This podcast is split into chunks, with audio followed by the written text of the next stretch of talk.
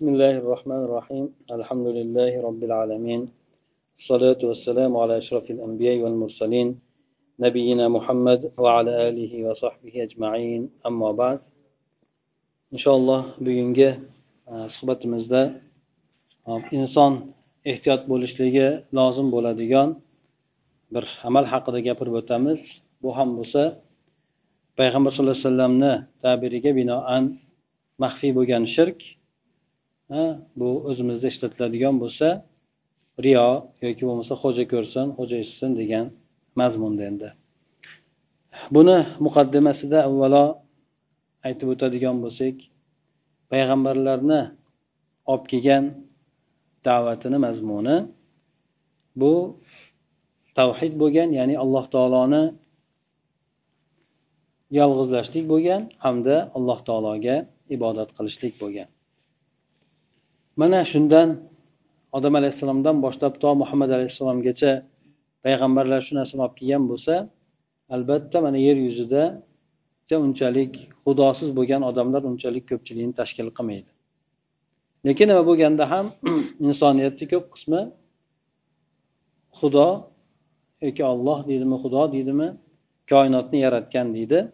Lekin endi buni boshqa tomonlardan shirk keltirgan taqdirda ham lekin xudo bor deb turib aytishadi. Lekin bularni bu suratdagi xudoni bor deb iymon keltirishligi o'sha alloh taologa toat ibodat qilishlikka olib bormaydi. Bu alloh taoloni toatini qilishlik ibodat qilishlikka olib boradigan narsa esa tavhid degan narsa bo'ladi. Tavhid degani bu alloh taoloni yakka yolg'iz deb turib tanishlik bo'ladi. Alloh taolo o'zini ibodatiga bizni chaqirgan bo'lsa menga ibodat qilinglar degan bo'lsa ibodat qilinglar deyishlikdan oldin alloh taolo bizni qalbimizni ko'p narsalarga xotirjam qilib qo'ygandan keyin menga ibodat qilinglar dedi. Bu alloh taolo xotirjam qilib qo'ygan narsalardan birisi hamma narsani egaligi alloh taoloni qo'lidadir. Ya'ni alloh taolo hamma narsani egasidir. Biron narsa sodir bo'ladigan bo'lsa ham alloh taoloni izni bilan sodir bo'ladi. Ana o'shanga nisbatan ana o'sha narsani alloh taolo bizni qalbimizga bergandan keyin bizga uqtirib qo'ygandan keyin menga ibodat qilinglar dedi. Demak ibodat hamma narsani egasi bo'lgan hamma narsani boshqarib turgan hamma narsa uni izni bilangina bo'ladigan zotgagina ibodat qilishlik mana shu narsaga demak loyiq bo'ladi. Endi insonni o'sha tavhidi zaiflashib qoladigan bo'lsa alloh taoloni yolg'iz deb bilishligi alloh taoloni tanishligi insonda zaiflashib qoladigan bo'lsa ana undan keyin inson munofiq bo'lishlikni boshlaydi.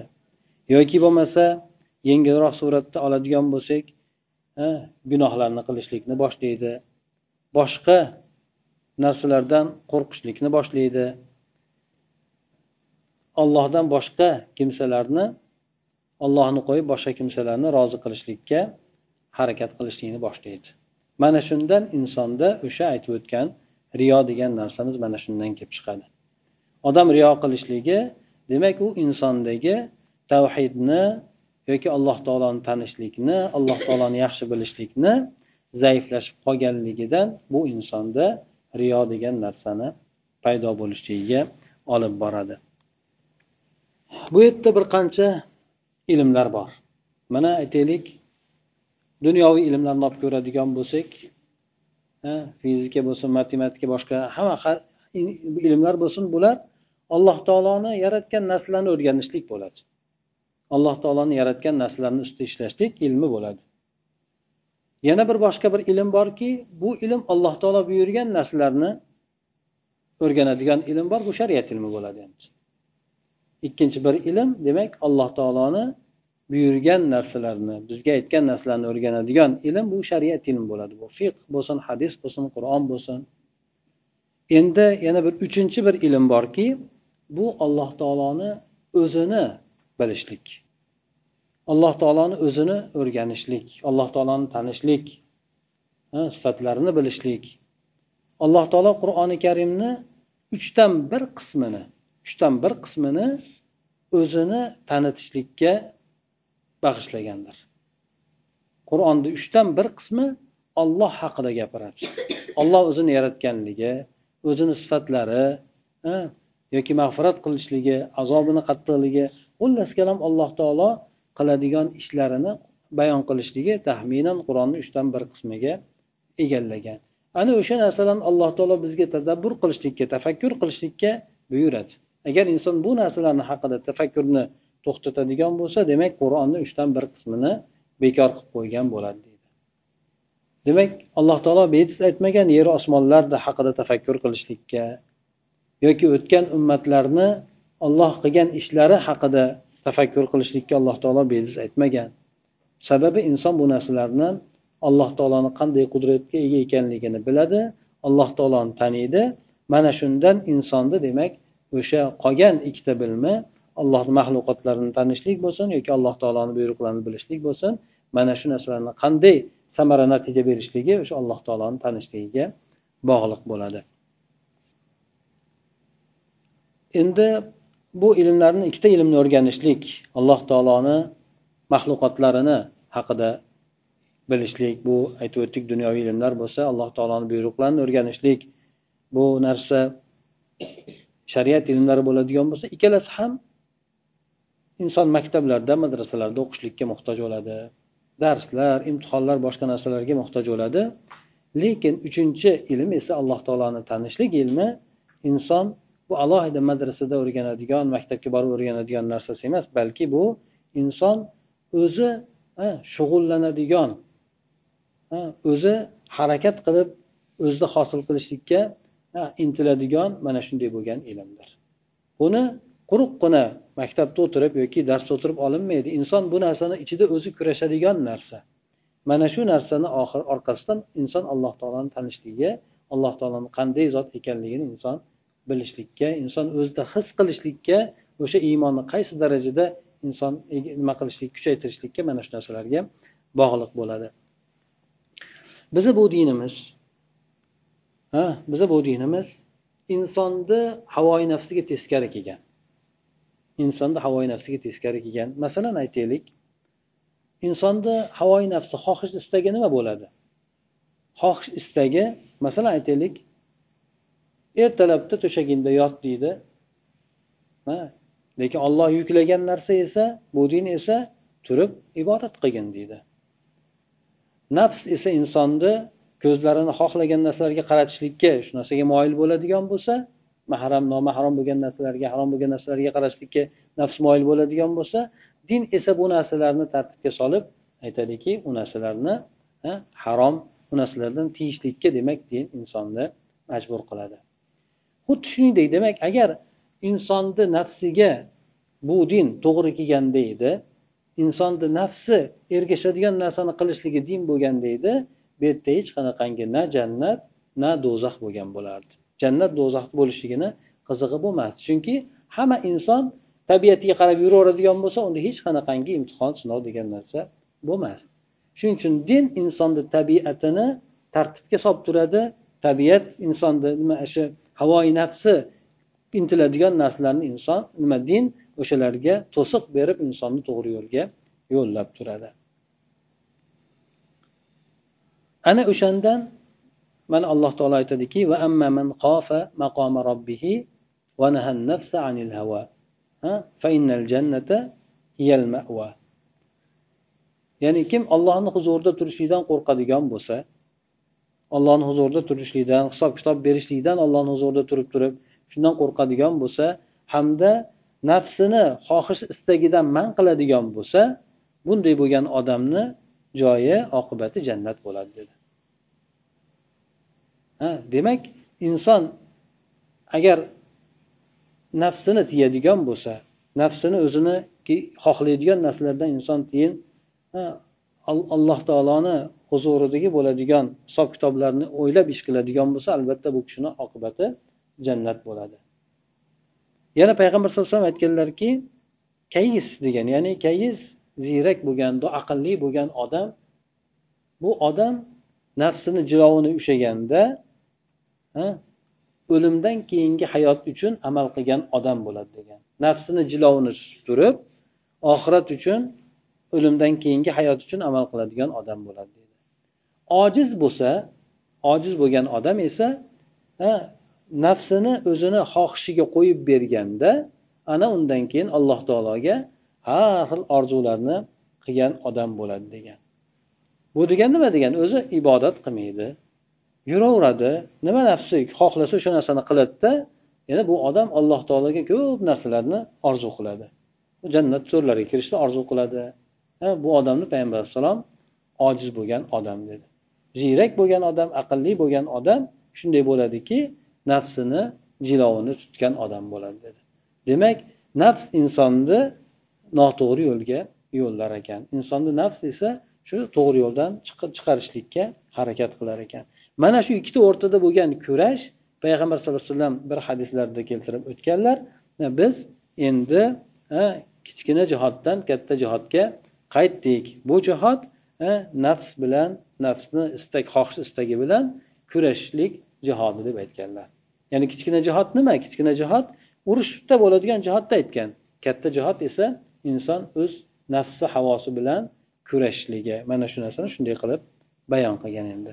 Chunki u jihodga keladigan bo'lsa bir muddatda bir chiqadigan bo'lsa inson o'zidagi bo'lgan nafsi bilan kurashishligi davomiy suratda bo'ladi. Shuning uchun payg'ambar alayhisalom buni katta jihod deb bayon qilgan. Endi insonni qalbidagi bo'lgan iymon. Qalbidagi bo'lgan iymon albatta tashqariga amal bo'lib chiqmasdan iloji bo'lmaydi. Insonni qalbida qaror topishligi ya'ni tashqariga hech qanaqangi bir alomat bermasdan qalbiga qaror topmaydi.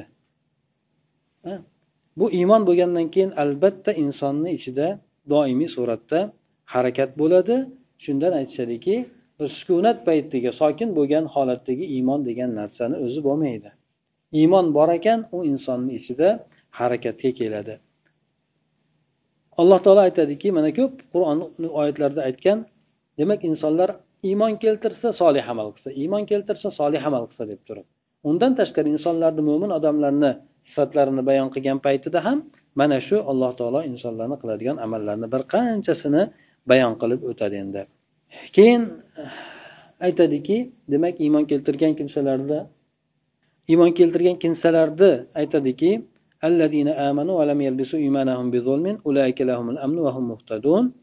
iymon keltirgan kimsalar hamda iymonlarni hech qanaqangi zulm bilan aralashtirmagan kimsalar ya'ni iymonni xolis ushlab turganlar unga hech qanaqangi shirk keltirmagan shirkni kiritmagan odamlar uchun haqiqatdan xotirjamlik omonlik bo'ladi ular hidoyatdagi bo'ladigan kimsalar bo'ladi dedi. Demak bu yerda alloh taolo faqatgina mo'min bo'lgan odamligini aytib o'tdiki bu odamni xotirjamlik bo'ladi dedi. Qalb xotirjamligi bo'ladi dedi.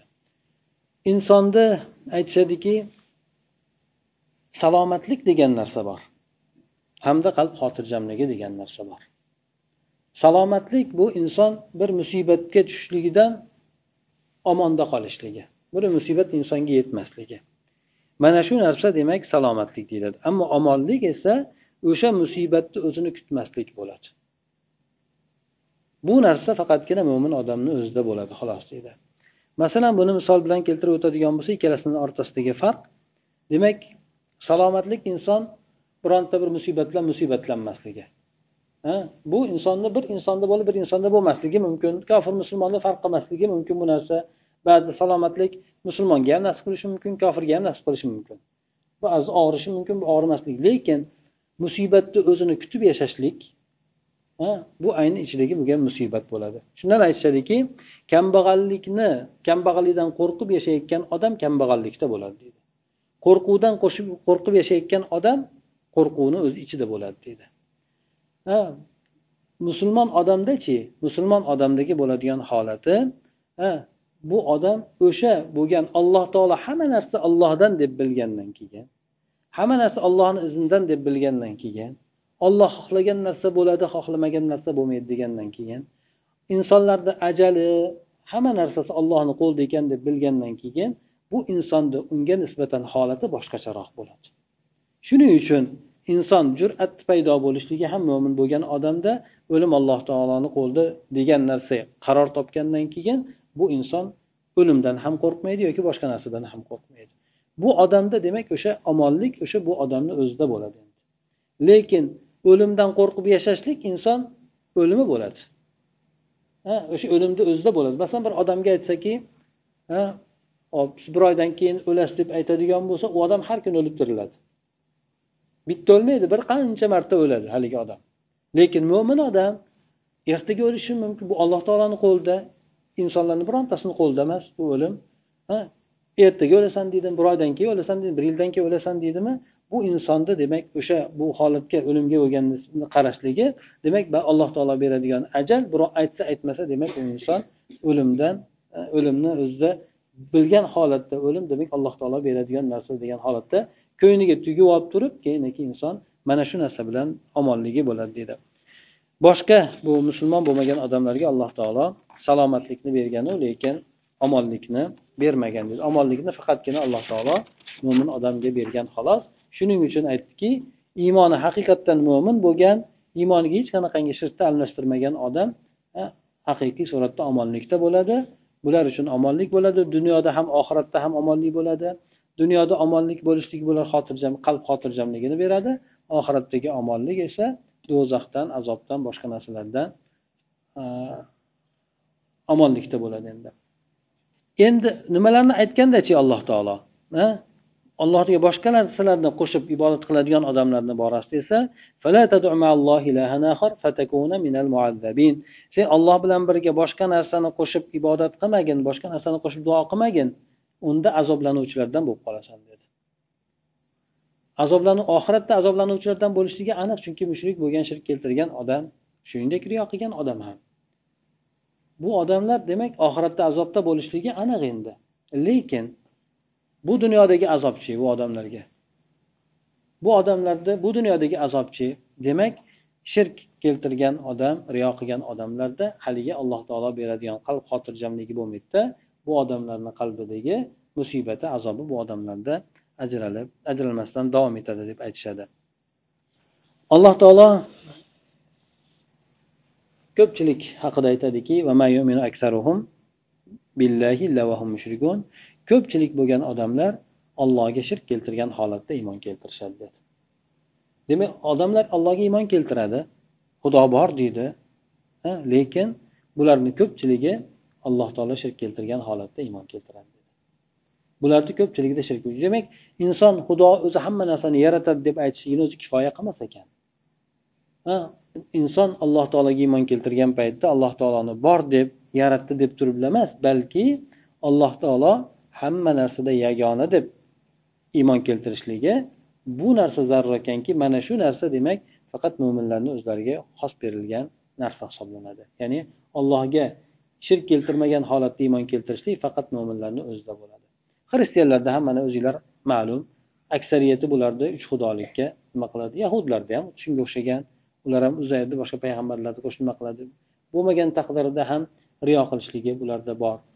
Lekin mana shu narsalardan xoli bo'lgan insonlar faqatgina bu haqiqiy bir mo'min odamlar bo'ladiki bularda ulardagi kabi nafsiy bir azob nafsiy bo'lgan qiynalishlar ular mo'min odamlarda bo'lmaydi.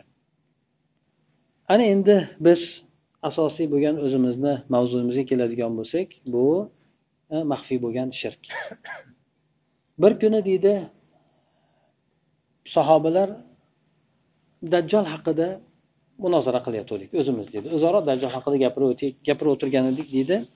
Shunda payg'ambar sallallohu alayhi vasallam chiqib qoldilar. Sahobalarni oldiga. Aytdiki nima haqida gaplashyapsizlar deb so'raganda shunda dajjol haqida deganda men sizlarga dajjoldan ham xatari qattiqroq bo'lgan narsani sizlarga xabarini beraymi dedi. Ha deb sahobalar bering degan paytga aytishgan paytda payg'ambar alayhissalom aytganlarki bu dajjoldan ham sizlar uchun xatari qattiqroq bo'lgan men qo'rqadigan narsa maxfiy bo'lgan shirk degan. Sahobalar so'rashgan keyin ey rasululloh maxfiy shirk qanday bo'ladi?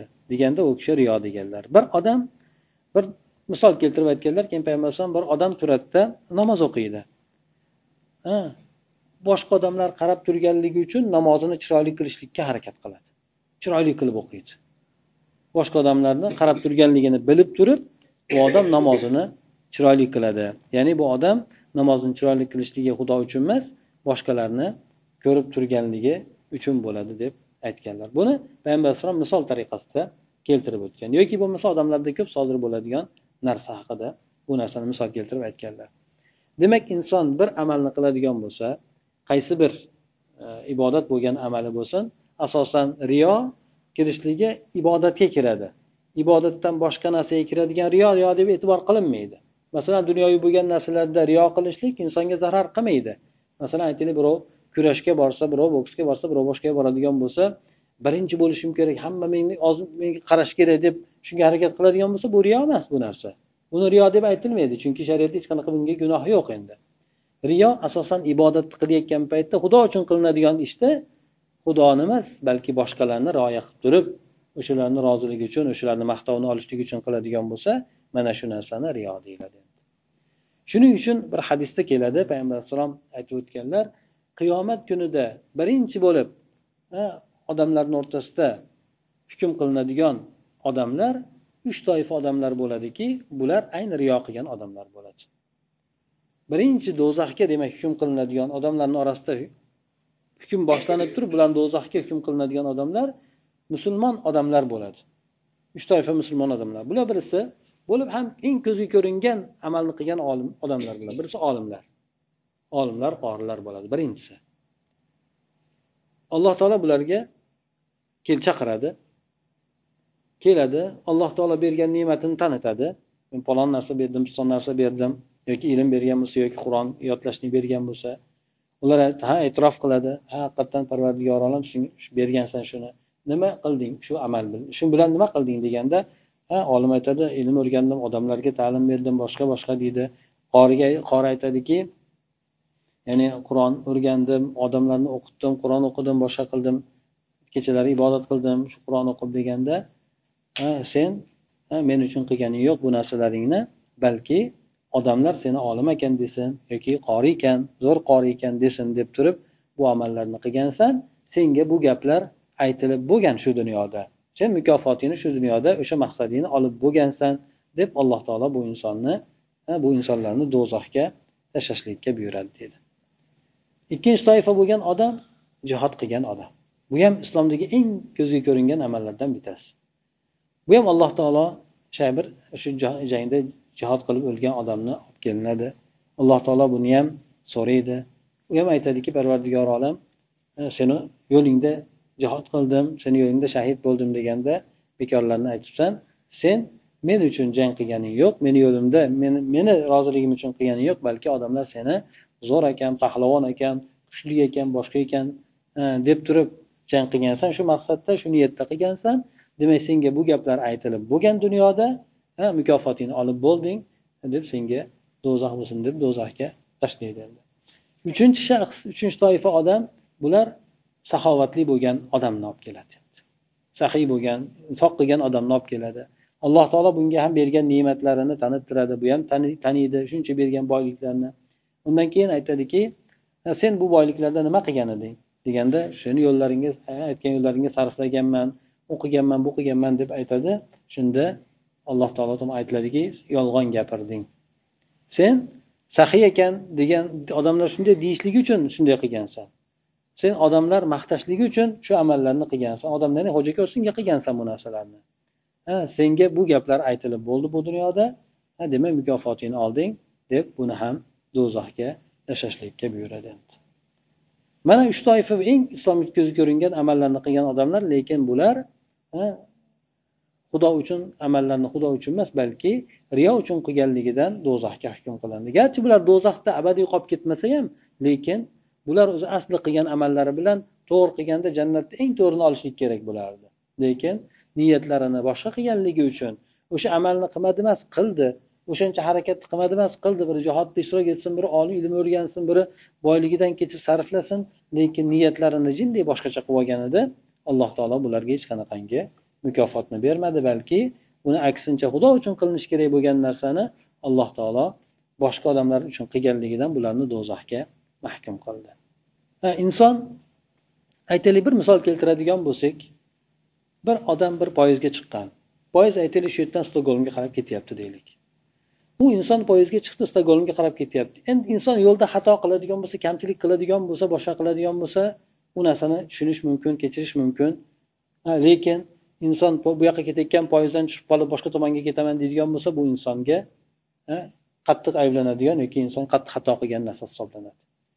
Inson tavhidda bo'lib turib allohga ibodat qilib u gunohni qilishi mumkin bu gunohni qilishi mumkin bu narsalar ko'pincha kechirilib ketiladi lekin inson riyo qiladigan bo'lsa ya'ni ollohni qo'yib turib yo'nalishni o'zgartirib boshqa yo'nalishga o'tadigan bo'lsa yo insonlarni yoki dunyoviy maqsadda yoki bo'lmasa shirk keltirib boshqa qiladigan bo'lsa bu insonga qattiq xato hisoblanadida albatta inson bu qilgan jazosini bu qilgan ishini jazosini olmasdan qo'ymaydi jazosini oladi endi. Shundan demak inson amallariga ehtiyot bo'lishlik kerak. Bironta amalni qilishda o'sha inson aytaylik qiynaladi o'sha amalni qilishlikka harakat qiladi vaqtidan kechadi boyligidan sog'ligidan kechadi. Lekin oqibatda o'sha mukofotni topmasa o'sha qilgan maqsadini hosil qilolmaydigan bo'lsa juda qattiq achinarli bo'ladi. Bunga esa insonni o'zi sababchi bo'lib qoladi. Sababi nimadan? Haligi aytib o'tgan boshdagi aytib o'tgan mavzuyimizni boshida aytganimiz insonni alloh taoloni tanimasligi ollohni bilganligidan ortiqcha boshqalarni ham bilishligini inson istab xohlashligi va boshqalarni maqtovini demak inson shuni xohlab qolishligi yoki dunyoviy maqsadni xohlab qolishligi shu narsalar demak insonni e, riyo qilishligiga sabab bo'lar ekan. Yana payg'ambar alayhissalom bir hadislarda keltirib aytadiki inson ollohni yuzi uchun o'rganiladigan ilmni ollohni yuzi uchun o'rganiladigan ilm shariat ilmlari. Shariat ilmlari agar olloh uchun o'rganmasdan dunyoviy maqsadda o'rganadigan bo'lsa ya'ni olimlar bilan talashishlik uchun o'rganadigan bo'lsa yoki to'rlarda o'tirishlik uchun o'rganadigan bo'lsa yoki boshqalar bilan og'ziga qaratishlik uchun boshqalarni og'ziga qaratishlik uchun o'rganadigan bo'lsa bu odam jannatda hidini ham topolmaydi jannat hidi paloncha paloncha yillik masofadan kelib turadi degan mazmunda aytib o'tganlar. Demak inson qiladigan amali maqsadi o'zgarib qoladigan bo'lsa niyati o'zgarib qoladigan bo'lsa inson qiladigan amali uchun savob emas balki inson gunoh olishligi u qiladigan amaliga jannat mukofot emas balki do'zax bilan azoblanib qolishligi ham mumkin bo'lar ekan. Mana shundan demak inson har bitta qilayotgan amaliga e'tibor qilishlik kerak. Riyo insonni amaliga har xil o'rinlarda keladi. Riyo insonni amaliga har xil o'rinlarda keladi. Agar riyo boshidan insonni amaliga kiradigan bo'lsa bu amali boshidan tagidan bekor qilinadi. Tagidan suv quyiladi bu amaliga masalan aytaylik bir odam bir amalni masalan namoz o'qiydigan bo'lsa yoki bir bir odam birovga bir hadya qilib masalan pul beradigan bo'lsa sadaqa qilib hadya qilib nima qilib bu narsadan boshidan boshlab odamlarni maqtashligini maqsad qilgan bo'lsa bu insonni qilgan amaliga hech qanaqangi ajr berilmaydi balki katta gunohkor bo'ladi. Endi inson ikkinchi bosqichi borki bunda amalni xudo uchun boshladi. Xudo uchun boshladida lekin oraga riyo kirib qoldi. Oraga riyo kirib qoldi. Agar riyo bilan kurashadigan bo'lsa riyo bilan kurashadigan bo'lsa insonga zarari yo'q. Chunki shayton olib keladida ba'zida inson masalan aytaylik birov insonga sadaqa qilmoqchi. Sadaqa qilmoqchida xudo uchun qilmoqchi lekin shayton kelib aytadida odamlar ko'rib turibdi. Hozir bersang riyo bo'lib qoladi senda shuning uchun bermagin deydi. Riyo hozir bersang bu ber e, shaytonga nasihat qilib qoladida yaxshilik nima qilib turib. Ha bir tomondan u odam xolis uzo uchun bermoqchi bo'ldi lekin shayton kelib aytdiki shuncha odam qarab turibdi agar bersang riyo bo'lib qoladi. Shuning uchun hozir bermagin keyin berarsan dedi keyin qoldirib tashlaydi endi. Ha shunda inson shayton bilan kurashib turib yo'q meni maqsadim xudo uchun bo'lgan. Demak bularni odamlarni maqtovini e'tiborga olmaganman degan taqdirda ham o'zini qalbida qattiq nima qilib turib turib beraveradigan bo'lsa bu narsa hech qanaqa insonga o'rtada kelgan narsa zarar qilmaydi. Endi yana boshqa bir bo'lagi borki bunda inson bo'pti deylik o'sha yerda olloh uchun boshladiyu o'rtaga riyo kirib qoldi. U inson riyo uchun amal ham qilib qo'ydi lekin xudo uchun qilib kelayotgan edi. Bunda insonni amalni tagidan bekor qilmaydi lekin ajrini kamaytirib qo'yadi. Chunki inson amalini boshidan riyoga o'rnashtirgani yo'q balki inson qilayotgan xudo uchun qilayotganida oraga e, riyo kirib qoldida bu riyo bilan kurashgan bo'lsa hech qanaqangi zarar bermaydi ajrini to'liq oladi lekin inson bu riyo bilan kurashmadida balki bo'pti deb qo'yib berdi riyoga ham bunda insonni qilayotgan ajrini e, kamaytirib qo'yadi ozaytirib qo'yadi. Shuning uchun inson bironta amalni qiladigan bo'lsa niyatiga qarasin amalni qabul qilinishlik ikkita sharti bor shariatda من كان يرجو لقاء ربه فليعمل عملا صالحا ولا يشرك بعبادة ربه أحدا ya'ni ikkita narsani bu yerda shart qilindiki kim robbisiga uchrashishlikni xohlagan yaxshi ko'radigan bo'lsa allohga yaxshilik bilan yo'liqaman deydigan bo'lsa yaxshi amal qilsin hamda allohga o'sha qilayotgan amalda bironta narsani shirk keltirmasin dedi Yaxshi amal yaxshi bo'lishligi allohni shariatiga mos kelishligi. Ya'ni qilayotgan amal shar'iy bo'lishligi. Qilayotgan amal demak shar'iy bo'lishligi payg'ambar alayhissalomni sunnatiga mos bo'lishligi. Ikkinchisi esa o'sha qilayotgan amalni xudo uchun qilishligi. Amal shar'iy bo'lsayu riyo aralashadigan bo'lsa foyda qilmaydi. Ixlos bilan qilsayu lekin qilayotgan amali bidat bo'ladigan bo'lsa bu ham foyda qilmaydi. Demak ikkalasi bo'lishi kerak. Ham shariatga mos kelishi kerak o'sha amal qilayotgan amali ham alloh uchun xolis bo'lishi kerak. Ana o'shanday bo'lgan paytda insonni amali qabul bo'ladi. Aks holda esa insonni o'ziga shuncha qilgan ishiga qaramasdan demak o'ziga otib tashlanadi endi. Payg'ambar alayhisalomdan bir sahobalar so'ragan paytda bir odam ya'ni so'raydiki shunaqa men jihod qilaman deydi. Lekin xudo uchun qilamanu ya'ni o'zimni ham ko'rsatib qo'yishlikni xohlayman.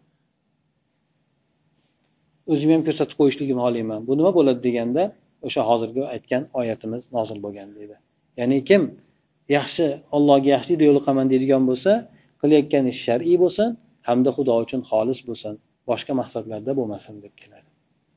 Shuning uchun inson ham aytaylik mana masjidga kelishlikda ham farq qilishligini aytmoqchiman. Masjidga keladigan bo'lsa masjidga kelishlik xolis keladigan bo'lsa masalan aytaylik ilm o'rganishlik namoz o'qishlik boshqa shu maqsadda keladigan bo'lsa bu odam ajrini to'liq oladi. Ajri qanaqa har bitta bosgan qadamiga bittadan ajr oladi hamda bittadan gunohi kechiriladi. Har bitta bosgan qadamiga. Ya'ni bu namozni o'qiganda oladigan ajrdan tashqarisi. Lekin odam yo'l yo'lakay magazinga kirmoqchi bo'ldiyu masjidga ham kirib o'taman dedi. Bu odamni ajri o'ziga yarasha bo'ladi. To'liq bo'lmaydi lekin ajr oladi endi. Lekin ajri kamaygan suratda bo'ladi ha demak inson bir amalni qiladigan bo'lsa endi inson maqsadida birinchi yo'q masjidga boraman deb turib asosan maqsadni masjidga qilsa yo'l lekin endi magazinga kirishlikni aytadigan bo'lsa u ikkilamchi uchlamchi bir masalaga aylanadigan bo'lsa unda ham inson ajrini to'liq olaveradi. Lekin masjid magazinga kelmoqchi yo'l lekin masjidga kirib namoz o'qiyman deydigan bo'lsa ajr oladi lekin ozroq ajr oladi. Chunki maqsadi to'liq o'sha narsa uchun bo'lmadi balki bu masjid ikkilamchi masalaga aylanib qoldi birlamchi masalaga aylanganda to'liq ajr olgan bo'lardi. Boshqa amallarda ham xuddi shuningdek. Inson qiladigan amalni o'sha birinchi darajaga qo'yishlik kerak ana o'shanda ajrni to'liq oladi. Alloh taolo demak insonni mana bu dunyoda asosan qaysi biri yaxshi amal qilar ekan qaysi biri gunoh ish qilar ekan imtihondan qaysi biri o'tar ekan qaysi biri o'tolmas ekan mana shu narsani sinashlik uchun insonlarni dunyoda yaratdi. Mana shu bilan inson oqibatini o'zi belgilaydi. Yaxshi amal qilishlik bilan oqibatini yaxshilikka boradi. Yomon amal qilishlik bilan inson o'zini o'zi oxiri malomat qiladi. Shundan xulosa qilib aytadigan bo'lsak albatta inson bu shirk bo'lgan riyo bo'lgan narsadan ehtiyot bo'lishi kerak. Hattoki riyo bo'lgan narsa dunyoviy bo'lgan narsada garchi ajri bo'lmasa ham dunyoviy bo'lgan narsalarda ham insonlar tomonidan yomon ko'riladi. Bir odamni dunyoviy bo'lgan narsada yordam berayotgan bo'lsa ham ish qilayotgan bo'lsa ham lekin o'zini ko'rsatishlik uchun qilayotgan bo'lsa ko'pincha odamlar uni mensimay e'tibor qilib bermay qo'yadi. Ha bu odam ya'ni tuzuk odam emas boshqa odam emas deb turib. Ya'ni bir odam bir odamga yordam bersayu haligi o'zini ko'rsatishlik uchun yoki bo'lmasa o'zini o'ylab boshqa qilib yordam beradigan bo'lsa shuni biladigan bo'lsa odamlar uni unchalik nazar pisand qilmaydi mensimaydigan bo'lib qoladi. Dunyoviy bo'lgan ishlarda garchi uni ajr nimaga aloqasi bo'lmasa ham. Lekin albatta shariat bo'lgan narsada alloh taolo har qanaqangi shirkdan riyodan uni qiladigan odamlardan pokligini e'lon qilgan shuning uchun inson ehtiyot bo'lishi kerak. Ehtiyot bo'lish uchun nima qiladi? Payg'ambar alayhissalom ba'zi duolarga yo'llagan. Alloh taolodan ya'ni bilmagan holatda shirk keltirib qo'yishligimdan hamda bilgan holatda ham biron narsani shirk keltirib qo'yishligimdan sendan panoh so'rayman degan mazmundagi oyatni duoni payg'ambar alayhissalom o'rgatgan shuni ko'p aytardi deb keladi. Undan tashqari inson bilish kerak shirk bo'lgan narsa hamma turi bilan ho maxfiy shirk bo'lsin riyoga o'xshagan. Ho kichik shirk bo'lsin bir qasam ichishlik to'g'risi qasam ichishlikka o'xshagan xudodan boshqaga qasam ichishlikka o'xshagan yoki katta shirk bo'lsin allohdan boshqaga ibodat qilib duo qiladigan buni har qanaqangi suratlari yomon narsa ekanki bu narsalar albatta insonda agar tavba qilmasa oxiratda jazoga loyiq bo'lishligiga olib boradi. Undan tashqari inson yana bilishi kerakki shuncha qilgan amali bitta narsani o'zi bilan habata bo'lib ketib qoladi. Ko'kka sovurilib ketib qoladi. Shu narsani demak inson bilishi kerak bu narsa insonni o'sha riyodan uzoq bo'lishligiga sabab bo'ladi. Undan tashqari odamlarni maqtovi insonni hech narsaga olib bormaydi. Agar hamma odam maqtaydigan bo'lsa yo alloh rozi bo'lmaydigan bo'lsa insonlar hech narsa yordam berolmay qoladi.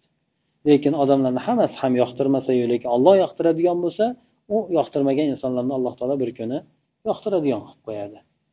Qalbini yoqtiradigan qilib qo'yadi. Lekin bir inson bir amalni qilsa riyo uchun qilmadi xudo uchun qildi. Lekin boshqalar uni maqtadi. Bu narsa nima bo'ladi deb payg'ambar alayhisalomdan so'rashgan. Odam xudo uchun amal qilyapti lekin boshqalar maqtayapti.